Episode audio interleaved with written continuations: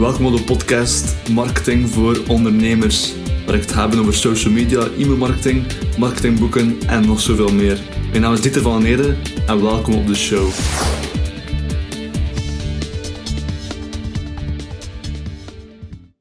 Oké, vandaag hebben we een interview met uh, Reinoud van Zandijken, voorzitter van de Jeugdraad in Roeselare en zaakvoerder van Exposure. Hij heeft ook uh, de Amerikaanse presidentsverkiezing op de voet gevolgd en zelf afgereisd naar Amerika. Vanavond hebben we over hoe de, de presidentsverkiezingen vooral hun online campagnes hebben gevoerd en wat het resultaat daarvan was. Dus Trump is nu gewonnen. En ook wat lokale politici hiervan in België kunnen leren. Reinoud, ben je iets vergeten? Uh, nee, ik denk dat dat een zeer goede start is. Oké, super. Uh, je weet hoe het werkt. Uh, er zijn drie soorten rondes. De eerste ronde is de actieronde, waar we het echt gaan hebben over specifieke puntjes. Dan de tweede is het uw persoonlijk verhaal. En het derde is dan de knockout ronde met zeven korte vragen. Ik heb er zin in. Oké, super. Om dus te starten met de Amerikaanse presidentsverkiezingen die nu voorbij zijn je hebt echt alles op de, op de voet gaan volgen. En hoe hebben Hillary Clinton en Donald Trump nu online campagne gaan voeren? Ik ben inderdaad uh, naar Amerika getrokken. Ik heb er uh, eh, 5000 kilometer eigenlijk rondgetoerd. Uh, al 20 interviews ook gedaan, ongeveer 20 interviews. Waaronder mensen die nog voor presidentskandidaten hebben gewerkt. Dus campagnemanagers, woordvoerders, burgemeesters, eigenlijk heel veel verschillende mensen uit de politieke sector, of de communicatiesector, of de combinatie, de politieke communicatie. Dus was zeer boeiend en hoe dat zij eigenlijk, ja, ik heb daar heel veel bij geleerd. Ook dus hoe Donald Trump en of Hillary Clinton online campagne voerden. En uh, ja, steeds meer, of steeds vaker zagen we dat eigenlijk vooral uh, een beetje een emotieverhaal werd. Hè? Dat er steeds meer werd ingespeeld op de emoties. En dat de ratio steeds minder telde. Het is zelfs zo dat de 20 meest gedeelde valse berichten, dus die niet waar bleken te zijn, dat die meer bereik haalden op het einde dan de 20 meest gedeelde berichten die wel waar waren. Dus uh, de valse berichtgeving had meer bereik dan de correcte berichtgeving. En ook werd het wel best een bitsige campagne, waarschijnlijk de meest harde campagne ooit. Ja, het is uh, een beetje kijken, een beetje afwachten van hoe dit zich zal vertalen naar Vlaanderen en, en Nederland in eerste instantie. Want iedere trend in de politieke communicatie start in Amerika, gaat naar Nederland en komt dan naar België. Dus het is een beetje uh, koffietijd kijken hoe het eigenlijk zal verlopen naar, uh, of hoe dat een beetje zal gecapteerd worden naar België. Um... En denk je ook dat dan in de toekomst, nu gewoon naar België toe, dat de, de mensen hier in de politiek ook meer zoals als Trump campagne gaan voeren? Zo effectief wat agressiever en ja, wat extremer? Dat denk ik wel. Um, en niet zozeer uh, omdat bepaalde mensen erg geloven dat dat de juiste manier is, maar ik denk gewoon dat dat een soort van uh, um, ja, voorbeeld gaat worden voor heel veel. Dat mensen denken van ja, kijk, het werkt effectief, de, zo gewoon zo campagne voeren. Ik ben hier niet om te zeggen of dat goed of slecht is, natuurlijk. Maar ik denk dat er gewoon heel veel politici gaan zeggen van oké, okay, dat is makkelijk, het is makkelijk om dan in de dark side te gaan, ja. zal het zo noemen. Uh, en, en ja, ik denk dat er wel veel een voorbeeld gaan nemen. Of dat dat meerwaarde is voor de democratie, of dat dat meerwaarde is voor de politiek, dat weet ik niet zozeer. Ik denk ook dat het minder zal werken dan in, in Amerika, omdat je hier in België toch een heel ander politiek systeem hebt. De, in Amerika is de winner takes it all. Wat wil zeggen, als je daar 50,1% haalt, in één bepaalde staat krijg je 100% van de kiesman. Uh, in, in België is dat helemaal anders. Hè. In België heb je 35% en meestal krijg je dan ook 35% aantal ministers of vertegenwoordiging uh, in de ministerposten. Uh, waardoor, wat, wat komt dat eigenlijk op coalitievorming? Hè? In België heb je een hmm. coalitievorming nodig. Je moet aan een meerderheid geraken, maar je hebt nooit een absolute meerderheid in België, of toch heel, die kans is heel klein. Waardoor je verplicht bent om met mensen samen te werken. Als je dan in de, verkie in de, ja, in de strijd naar de verkiezingsdag alle andere mensen uh, denigreert, hè, alle andere mensen zit te verwijten, hè, je alle andere mensen uh, gewoon belachelijk maakt, ja, dan ja. kan ik wel voorstellen dat die mensen dan misschien minder zin hebben om nog met jou te gaan samenwerken. Hè, waardoor het uiteindelijk ook minder uh, makkelijk wordt om een coalitie te vormen. En dan val je al sneller uit de boot. En uiteindelijk, als je aan politiek doet, wil je in de regering zitten. Hè. De oppositie is misschien een keer interessant voor een bepaalde periode, maar als je, zo, als je aan politiek doet, wil je ooit dan eens aan de stuurknuppel zitten.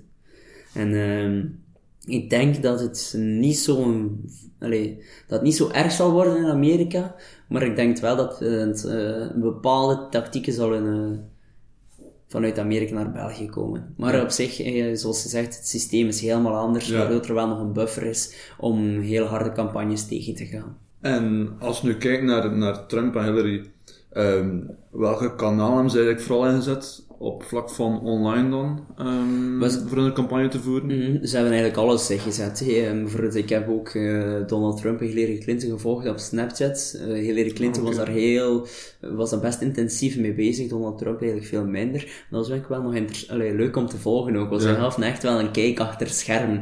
Bijvoorbeeld, als Hillary, filmden ze het moment dat Hillary Clinton dan allee, op het podium kwam. En dat was echt zo, zo ja. precies uh, Dimitri Vegas en Like Mike of zo. Of, of zeg je, like, like Mike en Dimitri Vegas ja.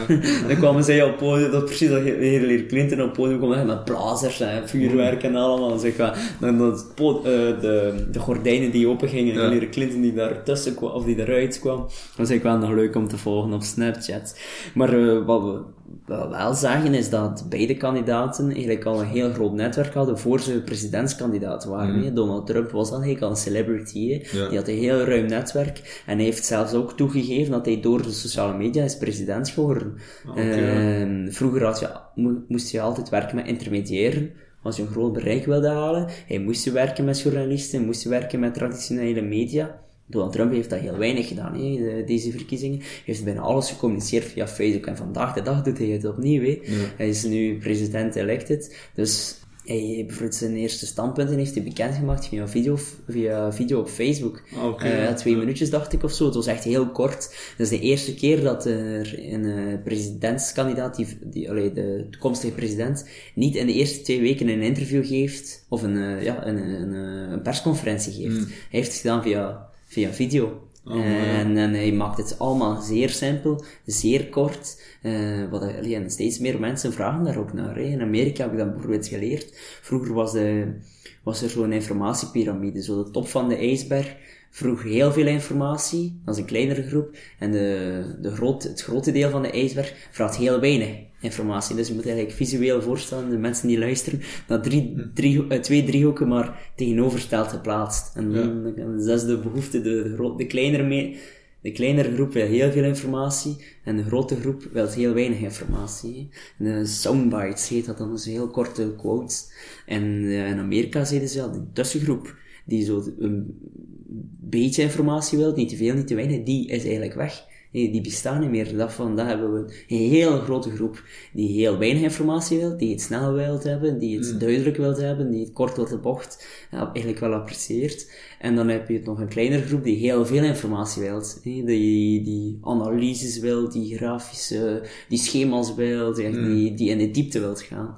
Maar um, de grote groep dat vandaag is zij, of is die groep die heel weinig informatie wil, en Donald Trump heeft erop op ingespeeld. Hij heeft... Uh, eigenlijk vooral via Facebook gewerkt en uh, via Twitter ook. Ja, nu nog vandaag nog altijd. Uh, Hillary Clinton dan best iets meer, uh, meer minder, of ik zal zeggen, minder kort door de bocht. Ja. ook via Snapchat zag je dat wel, dat ze er echt wel een ruim verhaal over de persoon Hillary Clinton wilde, wilde bericht geven.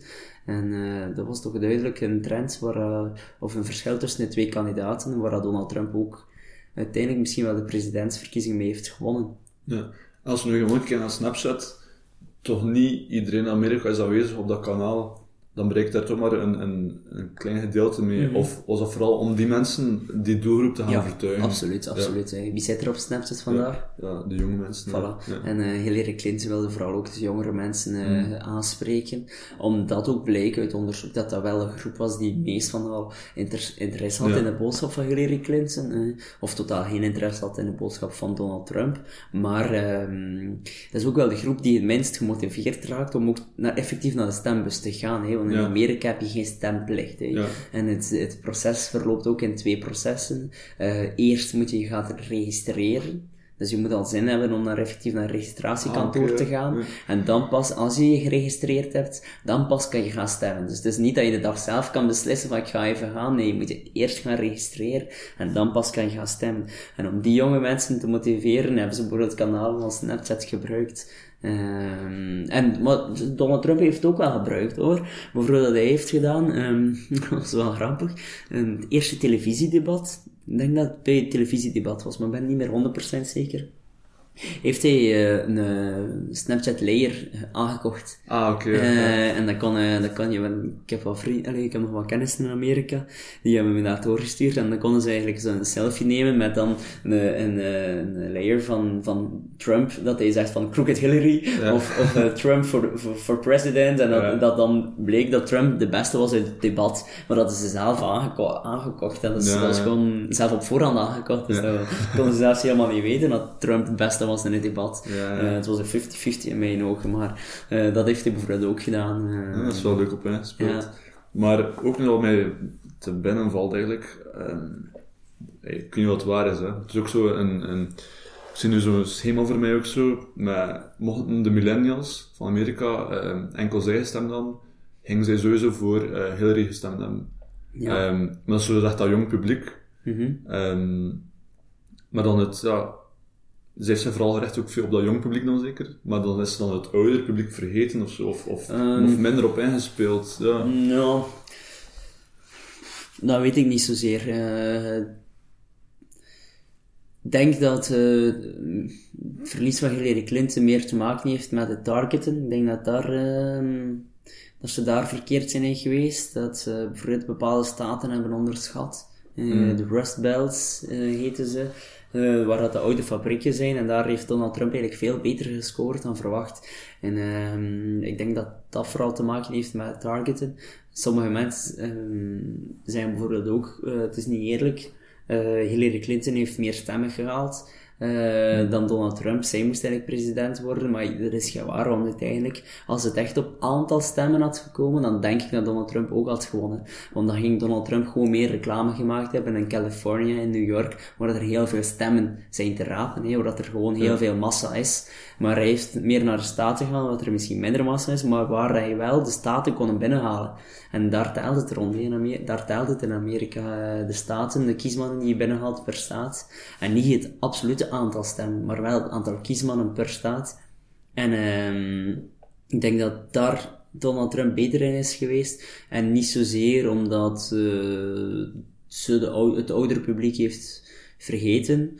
Hillary Clinton, maar denk dat meer mis is gaan in het targeten. Bijvoorbeeld, Donald Trump is echt wel in de Rust Belt van, kijk, daar moet ik gaan spreken, nadat hij bijvoorbeeld door de data, eh, dat is via dataverzameling, eh, te weten gekomen dat hij in bepaalde wijken moest gaan spreken in die Rust Belt. Eh, want de, de, de bijeenkomsten van Donald Trump waren ook altijd zeer, allee, zeer ruim bijgewe- bijge- Bijgewoond. ja, bijgewoond, sorry. Ja.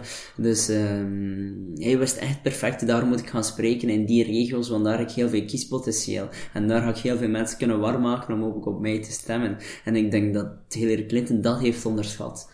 En nu spreken we net over data. Like, hoe komt men dan aan die data van, kijk, we gaan vooral naar die, die steden moeten gaan, naar die plaats. Ja, dat is allemaal online data hè, tegenwoordig. Eh, Er zijn ook wel nog wat focusgesprekken, want ik heb in Amerika ook met een datateam eh samengezeten, dus die politieke campagnes maakt op basis van data. En ze zeggen ook van, ja kijk, dat is dag van vandaag allemaal online. Allemaal online verkregen data. Hè. En ja, dag van vandaag, we mogen daar ook niet naïef in zijn. Hoe komt het dat je gratis op Facebook eh, kan? Hoe komt het dat je gratis tools als Twitter of andere kan, kan gebruiken? Dat is allemaal door de data die zij verkopen. Hè. Eh, mensen, ja, bedrijven, marketing... eh, mensen, hè, ook politieke marketing, willen daarvoor betalen en zo kan Facebook gratis eh, zijn voor iedereen. Hè. En ehm, ja, tegenwoordig steeds minder eh, grassroots, heet dat dan, steeds minder dus gewoon deur aan deur gaan en vragen. Er worden nog wat focusgesprekken gehouden, maar steeds meer online data. Ja. Ehm, bijvoorbeeld, ik ga misschien refereren naar de Obama-campagne. Ehm 2012, op dit moment kan ik nog niet zo heel veel zeggen over 2016, omdat die resultaten nog wat geheim worden gehouden. Maar in 2012 had Obama een app ontwikkeld, eh, waarbij de vrijwilligers of zij die de app downloaden, maar dat waren vooral vrijwilligers, of mensen die al op Obama wilden stemmen, eigenlijk al hun persoonlijke data van Facebook doorgaven aan het datateam van Obama. En voor wat was dat? wat, wat maakt dat interessant? Is eigenlijk dat je dan, als alle vrijwilligers dat doorsturen, kan je 100% accuraat, of bijna 100% accuraat, profiel gaan maken van de Obama-kiezer. Ja. En wat is nog interessanter, dan kan je gaan berekenen hoeveel andere mensen daarvan afwijken. En dan kan je in kaart gaan brengen van, kijk, die mensen, voor die doelgroep, uh, wijkt zoveel af en hoe komt dat en waarop moeten we gaan inspelen en welke doelgroepen zijn wel interessant om op te gaan focussen, op onze communicatie te gaan focussen en welke doelgroepen zijn helemaal niet interessant. De vrijwilligers van Mitt Romney, want in 2012 was het tegen Mitt Romney, de vrijwilligers van Mitt Romney zeiden Obama was cheating. Um, waarom? Omdat de vrijwilligers van Obama, die gingen maar gaan kloppen om de drie à vier deuren. Omdat zij wisten, achter deze deur zit er iemand die 100% zeker op Obama gaat stemmen. Achter deze deur zit er iemand die 100% zeker op Mitt Romney gaat stemmen. Dus moet je je tijd niet gaan investeren in, in, mensen die al zeker zijn. Je kan beter je tijd gaan investeren in mensen die nog te overtuigen vallen. En met Romney's vrijwilligers had dat heel, wisten dat helemaal niet. Maar Obama zijn team wel. En uh, ja, daarom met, uh, met Romney's vrijwilligers zeiden Obama was cheating, we begrepen het niet. Hè. En uh, iets anders als ze uit de data gehaald hadden is dat Michelle Obama eigenlijk enorm populair was. Hè. De dag vandaag is het enkel gegroeid. Ze is nog altijd super populair. Heel veel mensen die zich afvragen waarom Michelle Obama haar niet kandidaat had, heeft gesteld. Ah, ja, ja, ja, ja. En, um, en ook heel veel mensen die voorspellen dat Michelle Obama haar ooit wel kandidaat zal stellen. Ik dacht trouwens dat dat ook wel ging gebeuren, dat ze wel iets ging krijgen, misschien VN-gazant ging worden of zoiets van, van Hillary Clinton als ze werd verkozen, maar dat gaat nu toch niet door. Maar goed, dus Michelle Obama was zeer populair. En als je op de website kwam van Obama, kreeg je een filmpje te zien van Michelle Obama, waarin ze dus haar man verheerlijkte. Uh, oh, het is zo'n goede president. Oh, het is zo'n goede papa. Oh, het is zo'n goede man. Hey, je moet mm. echt op Obama stemmen. En dan kreeg je een, een pop-up zou je dit willen delen met je, met je vrienden? Dan krijg je vijf suggesties. Vijf vrienden, zo van, kijk, wil je dit delen met hen? En dan, achteraf bleek dat dan die vijf vrienden die het meeste kans maakten om ook op Obama te stemmen. Dan bleek dan die vijf vrienden te zijn, die dus volgens oh, okay. ook heel veel kans maakten om op Obama te stemmen. En uit, achteraf uit het onderzoek is gebleken dat acht op de tien van 8 op de 10 die het filmpje dan toegestuurd kregen van een van hun vrienden, ook op, effectief op Obama uh, hebben gestemd. Dus oh, 78% die het filmpje dan toegestuurd kregen, die, die, die heeft op Obama gestemd. En hoe hebben ze dat dit jaar, dit jaar eigenlijk, of dat afgelopen jaar eigenlijk gebruikt van uh, zich meer gaan, gaan richten op het, het emotionele eigenlijk? Mm. Meer gaan... Ja, dus uh, we zien wel uit, allee, ik merk toch wel duidelijk dat er wel een trend is naar steeds meer op het inspelen op de emoties. Maar het is niet dat het enkel deze verkiezingen uh, plaats, uh, plaatsvonden. Het is wel iets van alle tijden. Ja. Maar het is nu wel vooral opvallend door de, ja, door de online media en het heel makkelijk sharen en delen van, van alle van dergelijke berichten, ja. ja dat, het, uh, dat het een beetje een extra ja, een boost heeft gekregen. En um, hoe, hoe, hebben ze daarop op ingespeeld? Um, vooral op angst, hè. vooral, uh, er zijn natuurlijk basisemoties en angst is, is een hele sterke. Uh, nee, we stemmen niet op Hillary Clinton, want het zal enkel erger worden, we zullen nog meer jobs verliezen. Nee, de angst, de schrik om iets te verliezen, stem niet op haar.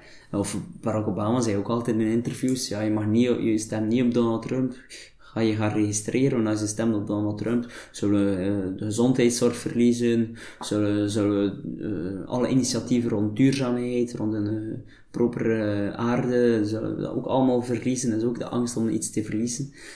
dan merk je steeds meer dat dat niet gaat, je moet op mij stemmen om dat ik de beste ben, maar je moet niet je moet aan mij stemmen, omdat je anders veel te veel gaat verliezen met de anderen. Ja. Uh, Donald Trump heeft dat ook gedaan, hè. En zijn slogan Make America Great Again speelde daar ook op in, hè. Van, um, ja, ik ga het weer opnieuw maken zoals dat vroeger was. Ja. Vroeger, En niet te schrikken om het te verliezen wat we vroeger hadden. Hij speelde daar ook weer op in. Make America Great Again.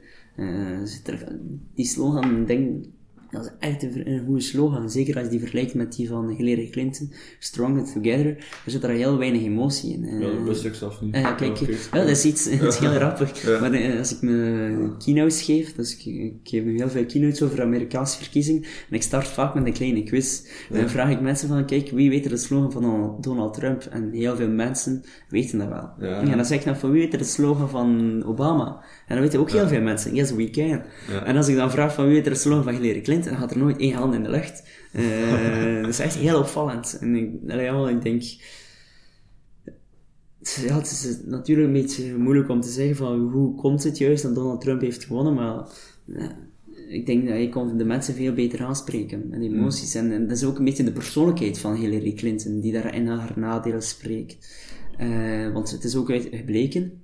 En ehm, ik, eh, ik, ik heb daar, allee, die professor, ik heb de, die professor heeft mij dat verteld, ik heb master politieke communicatie gedaan. En vorig jaar hadden ze voorspeld, hadden ze eigenlijk al voorspeld dat Hillary Clinton heel weinig kans maakte om te winnen. Gewoon puur op basis van haar persoonlijkheid. Er bestaat zo'n methode, methode Immelman, die wat persoonlijkheidsprofielen eh, in kaart brengt van politici. En zij hebben dat eigenlijk gaan toepassen op Hillary Clinton en dan dat gaan vergelijken met alle mm, presidentskandidaten die effectief de verkiezingen hebben gewonnen.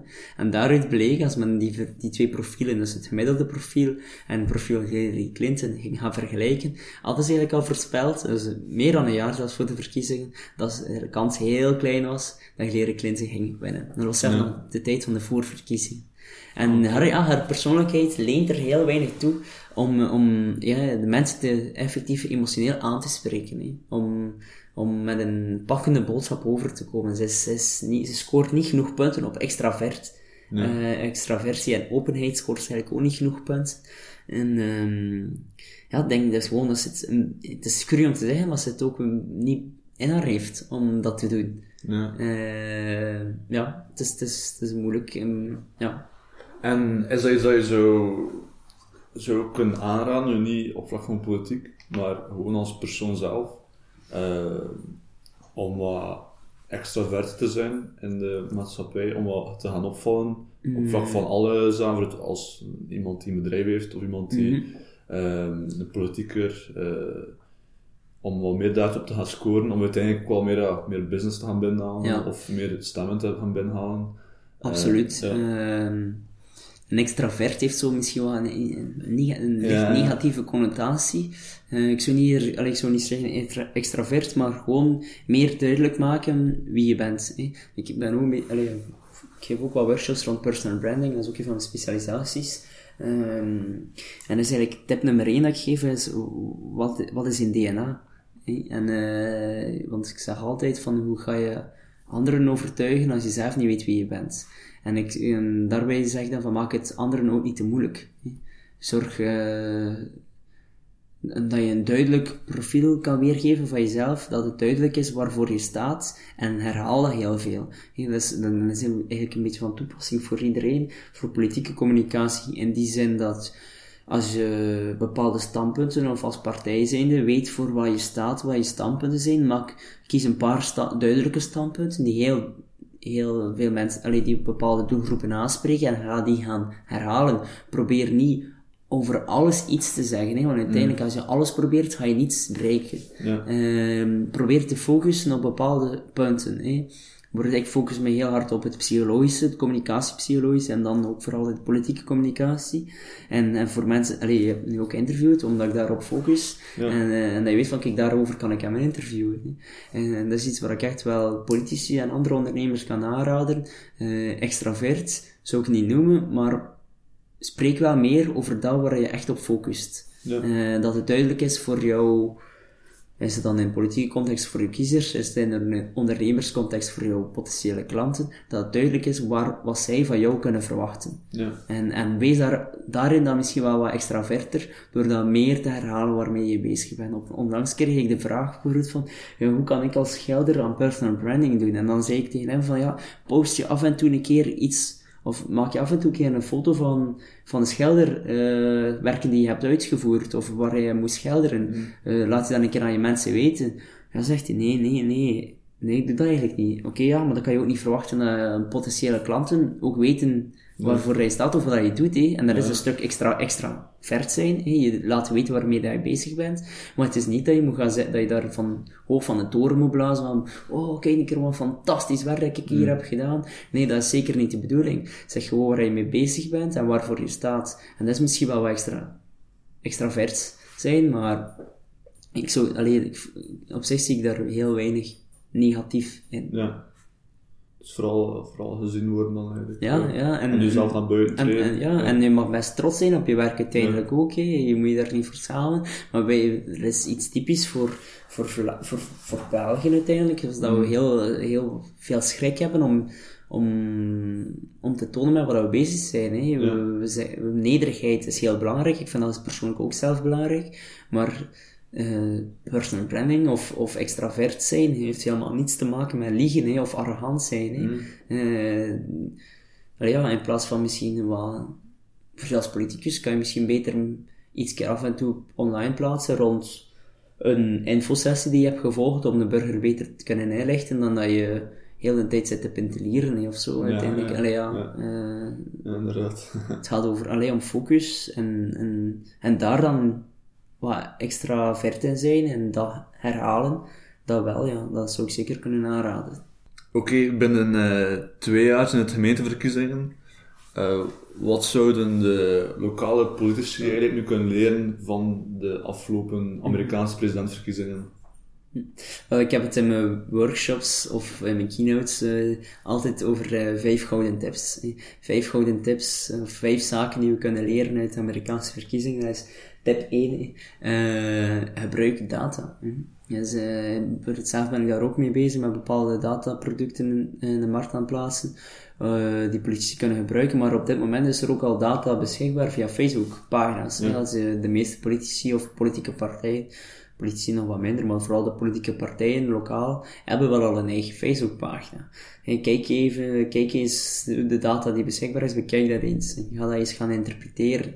Zeer belangrijk. Gebruik data. En eh de tweede gouden tip die ik kan geven is targeten. Dus wie is je doelgroep? En probeer niet iedereen te overtuigen. Hè. En eh probeer een zo relevant mogelijke doelgroep ook te bereiken. Want eh er, er is een gouden regel in het, in, in het overtuigen.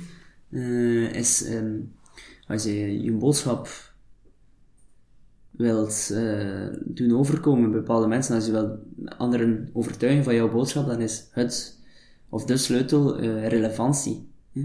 Maak een relevante boodschap. En daarvoor moet je je doelgroep zeer goed gaan targeten, want voor het voor ondernemers is iets anders helemaal, is, zijn bepaalde zaken relevant, terwijl dat bijvoorbeeld voor jongeren die interesse hebben in een skatepark, zijn dan voor de gemeentebelasting helemaal niet relevant. En daarom moet je goed gaan targeten, eh, om te weten van welke doelgroep willen we bereiken en wat is voor hen relevant. En eh, dan ga je gaan kijken naar je boodschap, naar je partijprogramma, welke punten hebben, we, welke standpunten hebben. En dan gaan we eh, dan echt naar hen gaan focussen. Van kijk, dat is voor jou interessant, dan gaan we dat, ook die boodschap gaan, gaan communiceren naar jou. Hmm. En dat is dan eigenlijk ook al tip 3 wat ik nu meegeef, is wat is je DNA? Dus eh, waarvoor sta je? Wat zijn je standpunten? Dus je hebt een doelgroep in kaart gaan brengen en dan ga je dat gaan vergelijken met waarvoor je staat als partij. Eh, welke, welk partijprogramma hebben we? Waarop willen we focussen? Welke standpunten hebben we? Wat moet beter? Wat kan beter? Hoe gaan we het beter maken? Als je dat allemaal weet en je weet wat je doelgroep is, kan je dat gaan verbi- verbinden met elkaar. En kan je relevantie gaan creëren voor je doelgroep. En dat is dan zeer belangrijk. En dan komt tip 4 en dat is herhalen, herhalen en herhalen. Je hebt je doelgroep, je hebt je boodschap en dan ga je je boodschap gaan herhalen naar je doelgroep. Super belangrijk. En eh het is zelfs zo in Amerika, en dat is ook iets dat ik geleerd in Amerika. Vroeger spraken ze van de, dat je je boodschap zeven keer moest overbrengen voor het effectief aankwam. Dus je moest zeven keer eh, de mensen kunnen bereiken voor ze de boodschap begrepen in Amerika, of die, die campagnemanagers die ik heb gesproken, zeggen van ja, die, zeven, die regel van 7 is al lang, niet, is al lang achterhaald. Vandaag is de regel van 22, bij wijze van spreken. Oh, nee, dat is geen officiële regel, dat is ook niet wetenschappelijk onderbouwd, maar zij zeggen van, dus bij wijze van spreken moet je eigenlijk 22 keer je boodschap kunnen herhalen voor men het begrijpt. Dus pas op het moment dat jij denkt, of het is op het moment dat jij denkt, we zijn mijn boodschap aan het beu worden, het is pas dan dat de meeste mensen het uh, beginnen te, te begrijpen, je boodschap. Ja. Ik bedoel niet begrijpen in die zin dat, dat mensen niet slim genoeg zijn, maar gewoon door de communicatieoverload hebben ze het misschien niet gezien, of hebben ze het misschien niet op doorgeklikt of zo. Ja. Dus dat is zeker niet denigreren bedoeld of zo. En uh, tip 5 is dan um, de two-step flow theorie. En uh, dat is, wat is de two-step flow theorie? Is, um, misschien moet je niet altijd zelf zeggen dat je de beste bent, maar kan je misschien via opinieleiders werken. En um, het is veel effectiever als je een andere ondernemer kan zeggen van ik geloof in dit programma, omdat het het beste is voor ondernemers, dan dat je als partij zelf zegt van kijk, dat is het beste programma voor ondernemers. Ja. He, laat het vertellen door fans, door opinieleiders, uh, klanten, door, door klanten, door, door, ja. en, en, en opnieuw, relevantie heeft hier weer opnieuw mee te maken, omdat voor die bepaalde doelgroep is het veel relevanter voor hen als een, een collega het zegt, en dat ja. iemand anders het zegt, die misschien niet rechtstreeks een link heeft met hen. Ja. En uh, dat, is, dat is zeker niet evident om zo mensen te vinden, maar oké, okay, ja, politieke communicatie is ook niet evident. Nee, politiek Ja. is niet evident, je moet daar werk in steken. In Amerika uh, is het ook zo, hé. het is niet dat een vier-sterren-generaal plots zegt van oké, okay, ik ga een keer mijn carrière op het spel zetten om Hillary Clinton te, te promoten. Of dat celebrities allemaal zeggen van oké, okay, we, vinden dat- we gaan dat nu uit vrije wil, allee, natuurlijk is het uit vrije wil, maar we gaan dat nu gewoon, hop, ik heb de, dat ze opstaan, bij wijze van spreken, zeggen, oh, vandaag ga ik een tweet plaatsen om Hillary Clinton te steunen. Hey, de Hillary Clinton, haar team, steekt daar ook enorm veel tijd in, hè. enorm veel netwerken. Ehm, ik heb ook geleerd met die campagne, van, van die campagnemanagers, dat kost enorm veel tijd om die opinieleiders te overtuigen, eh, om ook hun kandidaat dan eh, te promoten. Hè. En dat is niet evident, maar het heeft een enorm grote meerwaarde. Dus nog een korte raam. Dus nummer 1 is de data. Vanuit uit je Facebookpagina kun je veel gaan aanvallen. Waar zijn de mensen, wat zijn de interesses en Ja. zo verder. Of andere programma's, die bijvoorbeeld Eh, mensen zoals ik aanbieden. of eh, eh, dan het tweede is eh, targeten. Is van specifieke relevante eh, content en, en de context ook gaan, gaan plaatsen naar de juiste doelgroep. Ja, inderdaad. Dan het eh, derde is ja, uw DNA, dus duidelijk uw profiel gaan staan. En van kijk, ja, dat zijn mijn bepaalde punten, daar sta ik. Het vierde is herhalen, herhalen, herhalen. Dat is goed Eh, herhaald. ja. Dan, en het laatste is dan eigenlijk ook wat ja, andere mensen gaan gebruiken, ehm opinieleiders of een soort van influencers eigenlijk ook, Ja, ehm, Nee, om uw vooral- programma te gaan ja. promoten. Vooral andere mensen dus ja, overtuigen om je inderdaad je programma te promoten. Ja. Iets dat ik ooit uit een andere partij had gezien, ze hadden in een verkiezingsprogramma vijf eh, testimonials geplaatst voor het. En dan Ja. vijf, dat waren vijf specifieke doelgroepen waar zij op wilden focussen. Als ze één ondernemer laten zeggen van ja, ik vind dat een goed standpunt, dan is dan nog een jongere laten zeggen, ik Ja. vind dat een goed standpunt. Dat is eigenlijk een heel mooi voorbeeld hoe je dat ook kan doen. Hè. Als Ja. lokale partij ehm, mag geen verkiezingsprogramma van 80 punten lang bijvoorbeeld. Dan waarschijnlijk toch niemand gaan lezen, buiten je eigen kiezers. Maar eh, maak het duidelijk, kort, eh, en, en zet daar ook bijvoorbeeld een keer een reactie van, in van iemand anders. Ja. Ehm, En vooral ook waarschijnlijk mensen die een bepaald aanzien hebben in de gemeente zelf. Niet politiek dan, maar op andere vlakken. Oh. Een soort van bekend figuur, denk ik wel. ja, dat is zeker een meerwaarde, Ja. maar dat, dat, Dat hoeft niet. Of, dat hoeft zelfs Nee. niet. Hè. Eh, ik, zou het, ah, ik zou het absoluut aanraden, hè. het is een meerwaarde. Maar eh, gewoon het feit dat je een, gelijkaardig, dat een gelijkaardig iemand het, een goed woordje zegt over partijprogramma, is al een meerwaarde voor de lokale campagne. Ja. Eh, gewoon al het feit dat een andere jongen, dat jonge gast, dat zegt, of een andere ondernemer, spreekt al dan de kiezer die bepaalde doelgroep meer aan. En dat is ook bijvoorbeeld een experiment in eh, St. Barbara's University in California.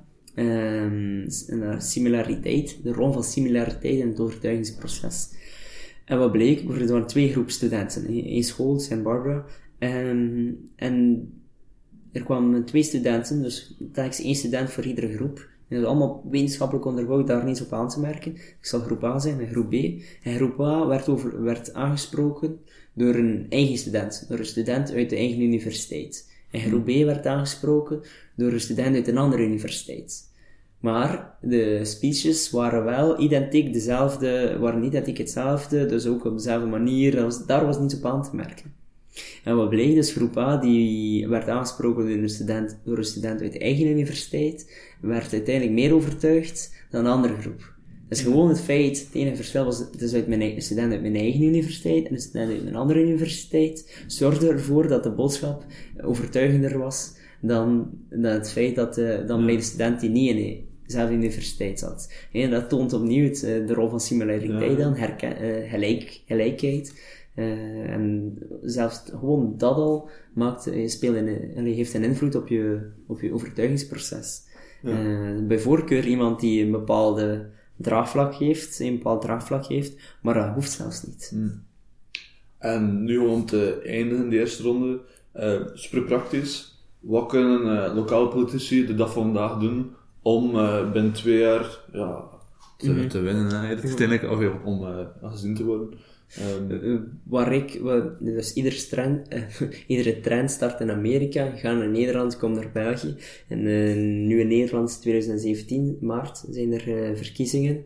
En ik volg ook al heel eentje de Amerikaanse verkiezingen, dus ik kan nu wel goed voorspellen, als ik via het proces Amerika-Nederland-België, wat de volgende communicatieoorlog zal plaatsvinden, zal ik zeggen. En dat is in 2018, zal dat zeker eh, Facebook advertising zijn. Ehm, zoals, dat zal super belangrijk worden. De juiste doelgroepen aanspreken met de juiste boodschap, met de juiste communicatietechnieken. veel dus via Facebook advertising op de juiste manier. Eh, dat, zal, dat zal super belangrijk zijn. Overal waar ik ga gaan spreken, bij iedere lokale partij, hoor ik ja, we gaan dit, deze verkiezingen echt veel minder affiches plaatsen, maar we gaan echt veel meer investeren in Facebook advertising. Overal waar ik kom, merk ik dat. En je gaat niet kunnen achterblijven. En je had het moeten, je had het ook moeten doen. En eh, maar op dit moment ja, zal het zal vooral afhangen van hoe je het inzet. En eh, vandaag of de volgende verkiezing zal iedereen op Facebook inzetten. En het verschil het absolute succes is eigenlijk de combinatie maken van de psychologische principes en de Facebook advertising. En ik denk dat daar, als je dat goed doet, en daar ga je mee scoren. Ja. Oké, super. Ja, dus dat was eh, de eerste ronde eigenlijk. Nu gaan we over naar de tweede ronde. Uw eh, persoonlijk verhaal. Ze is zelf ook nog jong. Eh 24 jaar? Ja, is er, nee, wat, zaterdag. Zaterdag 24 jaar geworden. Ehm, We zijn vandaag maandag. we zijn aan- en hoe is het eigenlijk allemaal gestart voor u? Want ja, je zit er ook al langer mee bezig. Van, eh, Van waar de interesses en hoe is het gestart? Maar ik ben er nu waarschijnlijk al zeven jaar mee bezig, zeker. Ik ben ja, 16 of 17 jaar leeftijd eigenlijk begonnen met, eh met te engageren in een politieke neutrale context. Eh, Belangrijk is in één partij, ik ga me ook niet kandidaat stellen of zo. Maar ik ben wel zeer geïnteresseerd in politiek. Hè. Dus ik heb ook eh, eerst een bachelor communicatiemanagement gedaan met een specifieke afstudierichting woordvoerder. Dus echt naar externe communicatie. En eh, dan ook nog een master politieke communicatie gedaan. Maar vanaf ik 16 of 17 jaar was, heb ik eigenlijk een eigen jongerenvereniging opgericht. Dat heet Jong en Democratisch. En eh, wat deden wij eigenlijk? Is eigenlijk een beetje werken Ehm, of zal het anders zeggen, wij, wij probeerden jongeren te overtuigen dat politiek belangrijk was, maar wij probeerden ook politici te overtuigen dat jongeren belangrijk zijn, hè? want jongeren zijn de toekomst. Het is dan wel belangrijk dat je rekening houdt met de toekomst en ook luistert naar de toekomst.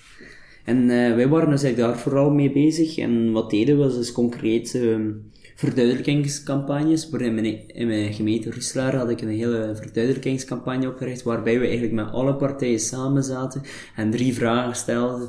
Wat was dat nu weer? Eh, Wat wil je veranderen? Waarvoor sta je? En als je alle macht, als je alle macht had, wat zou je direct veranderen? Bijvoorbeeld. Zo heel concreet in drie puntjes, eh telkens in drie puntjes waarvoor ze staan. En dan hebben we er een blog over geschreven, zodat het voor jongeren duidelijk was van op welke partij moet ik stemmen.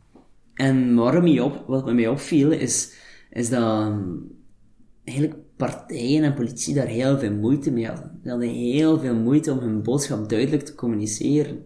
En um, ja, ik ben me dan... Ik vond dat heel raar. En, en dan via die campagne ben ik dan hun boodschap gaan vertalen naar een duidelijke communicatie. Dus ik was 17 jaar en dan ben ik hun, hun, hun communicatie eigenlijk gratis voor hen Ja. gaan verduidelijken. Ik ben gratis daar een blog voor, extra reclame voor gestampt, maar het was voor iedereen. Hè, dus Dat was was aan niet... 17 jaar, hè? Ja, ja, ja, ja. Of 18 jaar. allee, eh, ik ben 17 jaar gestart met die organisatie, maar ik weet niet meer wanneer dat die campagne juist was. En dan dacht ik van ja, dat is toch, dat is toch bizar als ze daar zoveel moeite mee hebben. En dan ben ik mij daarin gaan specialiseren. Ik, ik studeerde toen nog zelf sociaal werk. Dan ben ik veranderd van sociaal werk naar communicatie, omdat ik dat zo boeiend vond. En dan, eh ja, uiteindelijk heb ik steeds meer interesse gekregen. En echt enorm, ik heb echt al enorm veel boeken over gelezen. En. Ehm, ben echt een, een nerd geworden op dat vlak. En ja, en dan zo daar, daar heb ik ook naar Amerika getrokken. En in februari trek ik opnieuw naar Amerika, naar Washington, om ook weer bij te leren. En, en ik volg heel veel podcasts, onder andere ook de jouwe, maar ook over Amerikaanse, over de verkiezingen in Nederland ook. En ik ben me daar steeds meer en meer aan, aan het specialiseren. En eigenlijk, het, het, eh, het unieke of het eh, boeiende is dat ik de vertaalslag maak tussen de middelen en het psychologische. Ehm, want weet nog een leuke anekdote om te vertellen. Ik heb een enorme passie voor psychologie gekregen door de angst voor politici. dus uiteindelijk, ik begon als 17-jarige, eh, begon ik eh, dus heel veel te communiceren met politici, maar dat heeft politieke, heeft wel een negatieve perceptie. hè. En, ehm, ik had wel schrik dat ik, dat ik ging beïnvloed worden. Hè, dat ik, of ik had wel schrik dat mensen gingen liegen tegen mij. Ja. En, en dan ben ik mij gaan specialiseren in de psychologie en vooral in non-verbale communicatie. En ik ben dan als een gek, ik was 18 jaar, ben ik als een gek eh, beginnen leren en lezen over non-verbale communicatie. En dat ging heel vaak over psychologie. En daar heb ik eigenlijk mijn passie gecre- eh, gecreëerd voor psychologie. En wat doe ik nu? Op dit vandaag probeer ik psychologische principes eh superbelangrijke pri- principes eigenlijk toe te passen op nieuwe middelen, Facebook advertising, Snapchat, Ja. Instagram. En, en het bizarre van allemaal is dat die principes vandaag, die het meest relevant zijn, eigenlijk principes zijn uit het jaar 1940, het jaar 1957. En die principes hé, zijn vandaag nog super relevant, ze zijn nog nooit zo relevant geweest. En ehm ja, en zo ben ik daar eigenlijk een beetje in gegroeid en dan krijg ik ook steeds meer de vraag om daar eh, workshops rond te geven en, en, en diensten aan te bieden. En ja, het is wel opvallend eh, hoe dat eigenlijk allemaal gegroeid is. Ja. En waar dat je nu staat, nu heb je dus je bedrijf eh, Exposure, waarmee je dan ehm, niet enkel ook bedrijven. Ook, eh, Eh, ja, ja, ja. Ja. Ik, eh, bedrijven, vooral ook het meer psychologische. Ik help bedrijven vooral om een goede indruk te maken. Dus vooral rond branding. Wat ik eigenlijk ga gaan doen is eigenlijk een, ik doe een onderzoek, psychologisch onderzoek, naar het online gedrag van het bedrijf. En dan ga ik gaan kijken van, pas je eigenlijk wel de juiste overtuigingsprincipes toe? Nee, want het is heel simpel om voor het in Google Facebook tips in te tikken, maar het hangt ook een beetje, allee, het is niet zo, allee, het is niet zo simpel zoals in Google te vinden is. Hoe, hoe ga je je, klanten overtuigen van jouw diensten of producten? En dat ga ik dan via mijn kennis over psychologie eigenlijk gaan toepassen. En dat gaan evalueren, een soort van audit, en het heet ook social media audit. En eh dan geef ik dan heel veel concrete su- eh, suggesties van kijk, dat moet je meer doen, dat moet je minder doen, dat doe je te veel, dat doe je te weinig. Eh, met heel concrete praktische tips. En ehm ook focus ook op de eerste indruk. eh, dus, want ik kan daar heel veel over zeggen. Dus ik, primacy effect kan ik heel veel over zeggen. Er zijn ook heel veel experimenten rond gedaan. En ik ook, ga ik ook gaan kijken van welke eerste indruk maak je als bedrijf. En dat doe ik voor bedrijven, maar ook voor eenmanszaken, dan vooral personal branding. En dan voor politici een beetje eh, ja, de combinatie. Dus we gaan kijken van hoe, hoe profileren ze zich, eh, hoe moeten we ze gaan profileren, waarom moeten we gaan focussen, consultancy, coaching, eh, data doe ik ook. eh. En waar zie je ze al binnen eh, vijf jaar? Ehm, binnen vijf jaar zou ik graag eh, wat autoriteit, ja, misschien niet de autoriteit, dat vanaf vroeger, maar zou ik toch bepaalde autoriteitsgehalte willen gecreëerd hebben in politieke communicatie. Eh 2018 zijn er lokale verkiezingen, 2019 zijn er Vlaamse en federale verkiezingen.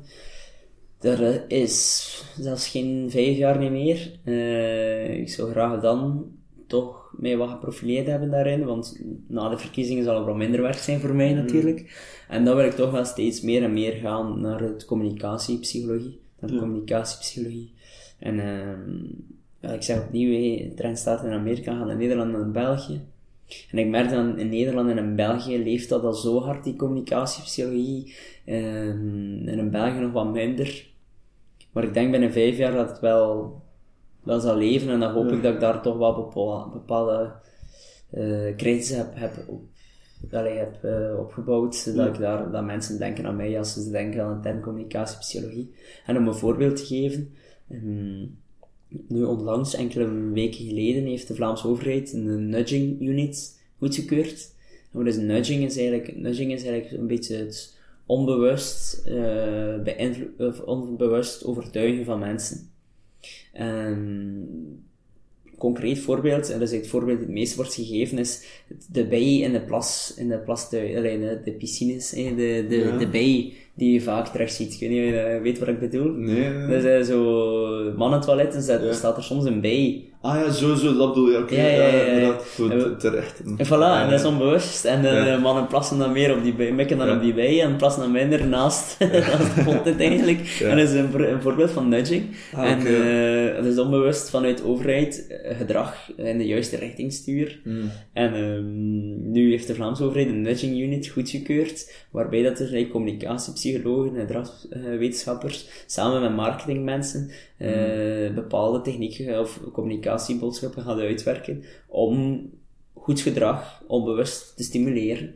En er is een voorbeeld, um, want ik ben er ook een beetje rond bezig, maar er is een voorbeeld van uh, het, feit, uh, het bewijs dat de trend die uit Amerika naar Nederland is ge gewaaid, nu ook naar België aan het komen is. Dat de Vlaamse overheid er nu ook mee bezig is. En ik merk dan nu ook dat steeds meer bedrijven daar wel interesse in hebben, want iedereen zit op Facebook hè, vandaag.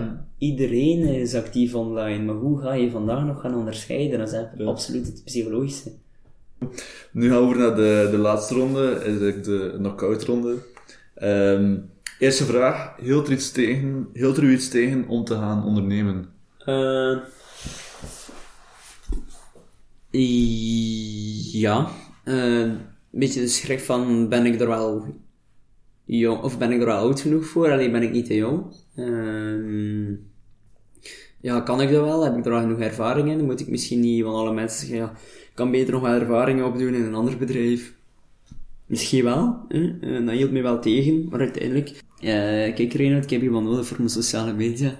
En ja, ik had, ik had nog geen ondernemingsnummer, dus ik, ik had ook niet het idee om daar geld aan te verdienen. En die zei van, ja, kijk, uh, je moet maar je prijs zeggen. En ik dacht van, allee, ja, ik heb wel nog mijn eigen bedrijf niet. En dan zei hij ook van, dat was een semi-overheidsbedrijf. Als je geen bedrijf hebt, ja, dan gaan we niet voor je, dat, dat kan het niet doorgaan. Hmm. Dan heb ik gewoon echt het moment zelf beslist. Want dat zat natuurlijk wel langer in mijn hoofd, hè, dat ik ooit iets ging starten. Hmm, ja, dat is, dan heb ik gewoon beslist van, oké, okay, uh, geen probleem, dan ga ik een ondernemingsnummer gaan aanvragen. En niet over twijfel, gewoon gedaan. Hmm. En daar niet te veel bij nagedacht. En gewoon de kans gegrepen, die is gepasseerd. En ik heb er geen seconde spijt van gehad. Ik heb er nog geen seconde spijt van gehad. En uh, ja, ik denk, ik merk dat wel bij veel mensen, kan ik het wel. Uh, en, allee, ja. Uh, zal ik wel goed genoeg zijn? En dat hielp me tegen. hè. Het stemmetje in jezelf. Ja. En dat is waarschijnlijk iets dat heel veel ondernemers herkennen. Maar ik heb ook nog een enkele ondernemer tegengekomen die dan effectief de stap heeft gezet, die zegt van, het was geen goede beslissing. Hmm. Eh, ik heb nog nooit iemand tegengekomen Ja, die zei van, ja, het was niet de juiste beslissing. Ik heb altijd gezegd van, eh, altijd aan mensen, het was de beste beslissing in mijn leven. Ja. Dan de volgende vraag. Wat is het beste advies dat je ooit al hebt gekregen als ondernemer dan? Ehm, het beste advies dat ik ooit heb gekregen, ehm, eh, geloof in jezelf. Ehm, geloof in jezelf, ja. Dat is het beste advies dat ik ooit heb gekregen. Dan merk ik zo, probeer niet te, te, veel te focussen op de negatieve dingen, want als je enkel maar focust op de negatieve dingen, dan gaat er nog maar meer negatief gebeuren. Hey, het is een beetje zoals een algoritme van Facebook. Je hersenen werken ook een beetje. Door enkel maar te focussen op negatieve, gebeuren er enkel nog maar meer negatieve dingen. Je hebt geen, je hebt geen, je hersenen kijken niet meer naar het positieve. En, en laat je ook niet ontmoedigen door anderen. Geloof in jezelf. Als anderen zeggen van, eh, dat trekt op, dat is, ik geloof daar niet in.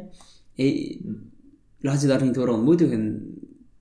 Als je er zelf niet in gelooft, akkoord. Maar als je echt denkt dat dat een goed idee is, en je hebt daar ook onderzoek naar gedaan, dan, dan doe het gewoon. En uh, als je laat inspireren, laat je inspireren door mensen die die er effectief iets kunnen over zeggen. En ik bedoel dat zeker opnieuw niet denigreren aan bepaalde mensen, maar als je bijvoorbeeld als communicatiebureau een nieuw product in de markt wil plaatsen, en je vraagt dan bijvoorbeeld aan je moeder die heel weinig kent over communicatie, en zij zegt van geloof daar niet in, laat je dat niet aan moeder, maar vraag, pols dan een keer bij mensen die er echt kennis van hebben. Mm. En als zij echt zeggen van, ja nee, dat gaat niet werken, ja oké, denk er dan eens over na. Maar start vooral met in jezelf te geloven. Mm dan heb je een soort van zelfadvies, het is zelf super jong, eh, jong, even jong als mij, eh, maar een ander advies naar uh, andere jonge ondernemers toe.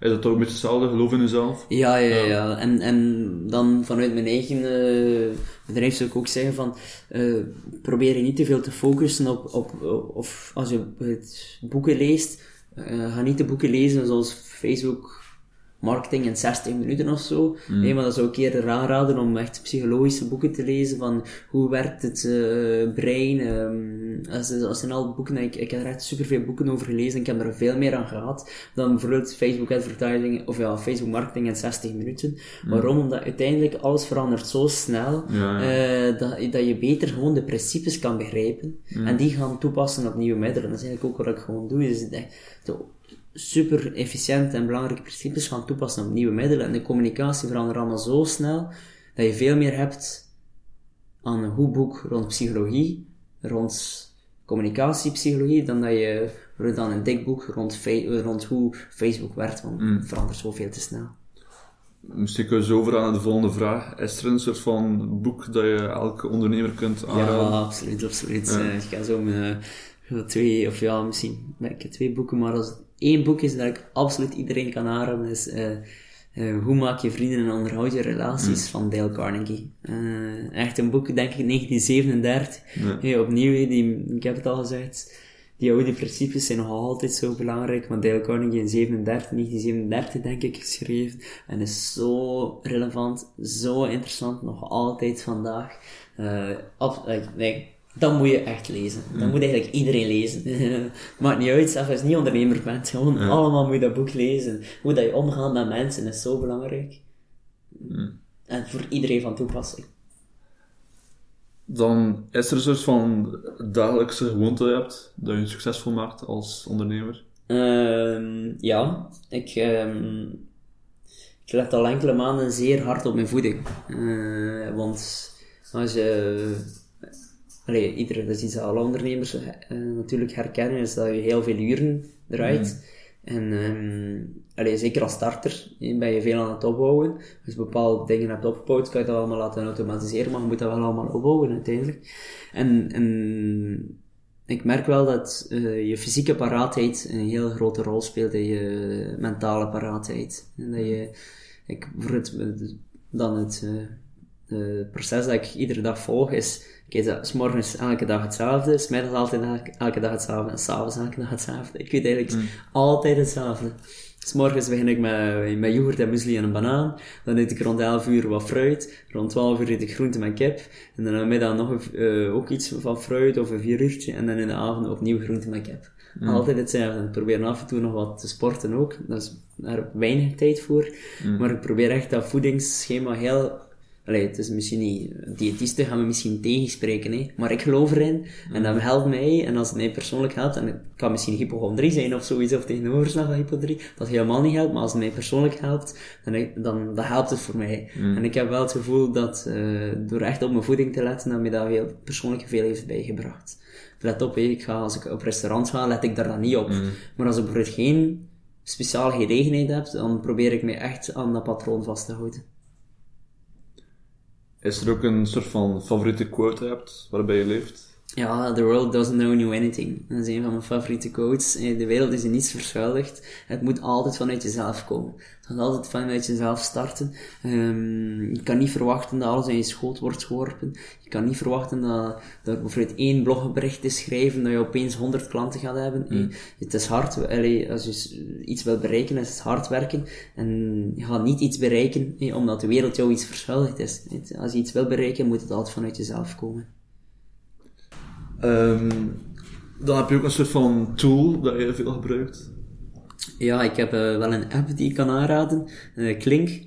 En um, dat is eentje die ik gebruik uh, op netwerkrecepties. Ik ben eigenlijk wel nog iemand die graag netwerkt. Ehm, en via die app kan je eigenlijk mensen, dus ik geef niet mijn kaartje, maar ik zeg van ja, kijk, um, voer je e-mailadres in. En dan voert mensen, kunnen mensen een e-mailadres invoeren en dan stuurt er, wordt er eigenlijk een automatisch digitaal kaartje verstuurd aan die persoon en hebben ze mij automatisch mijn gegevens in hun mailbox. En dan heb ik ook hun e-mailadres, waarbij dat ik ze dan nog later een mailtje stuur van kijk, het was een aangename, mm. als het effectief een aangename kennismaking was, het een aangename kennismaking, als we iets voor elkaar kunnen doen, of kunnen, kunnen samenwerken of zo, uh, dan hoor ik het graag. Dat is voor mij minder omslachtig dan een kaartje. Ik heb ook kaartjes natuurlijk, die geef ik ook, maar ik vind dat best wel een handige app. Ja, ik zou ook wel installeren. Dan de laatste vraag. Het is een beetje een speciaal vraag. Stel je voor, je wordt morgen wakker in een uh, nieuwe wereld, maar toch dezelfde als aarde. Je kent er niemand, maar je hebt dan nog al je kennis en je ervaringen. Je krijgt onderdak en voeding, en het enige dat je hebt is een laptop en 500 euro. Wat zou je doen de komende weken, dagen, maanden om je onderneming opnieuw te starten? Um, dus ik, ik ken er niemand, maar ik heb wel nog alle kennis. Je hebt nog alle kennis en je ervaring uit het verleden. Oké. En ik wil uh, opnieuw mijn bedrijf oprichten. Ja. Um, dan zou ik onmiddellijk op zoek gaan wie ondernemersgoeroes zijn. En uh, dat echt op internationaal niveau. Zou ik onmiddellijk zoeken wie dat daar de grote goeroes zijn en die heel veel kunnen bijleren. En dan zou ik die 500 euro in een workshop van hen investeren. Um, en niet de traditionele paden bewandelen zoals zo vaak online staat. Je moet eerst naar een uh, ondernemerscentrum gaan, dan moet je naar een boekhouder gaan, en dan moet je een financieel plan maken, en dan moet je een commercieel plan maken, en dan moet je dat doen, en dan moet je dat doen. Nee, ik zou onmiddellijk naar een guru gaan die je daar kan in begeleiden en de juiste stappen kan uh, aangeven. Ja. Dus bij de persoon zelf dan, kijk, uh, ja. een workshop gaan volgen ja, persoon zelf. 500 euro uh, bij de grootste gurus waarschijnlijk ja. niet to, uh, toekomen, maar misschien een online klas of zoiets. Ja, oké. Okay, ja. Super. Um, bedankt alstens voor, voor het interview. waar kunnen mensen nog zelf terechtvinden, online of offline? Eerst, eerst en vooral bedankt voor de uitnodiging. Ja, geen probleem. en waar mensen mij kunnen vinden is um, www.exposure.be. En uh, natuurlijk ook via Facebook exposure.be. En ja, mensen mogen mij altijd mailen reinoud.exposure.be. Dus eigenlijk gewoon als je Reinoud van Zandijk in Google intikt, zal je het ook wel vinden. Uh, communicatiekanalen genoeg. Oké, super. Dank u wel.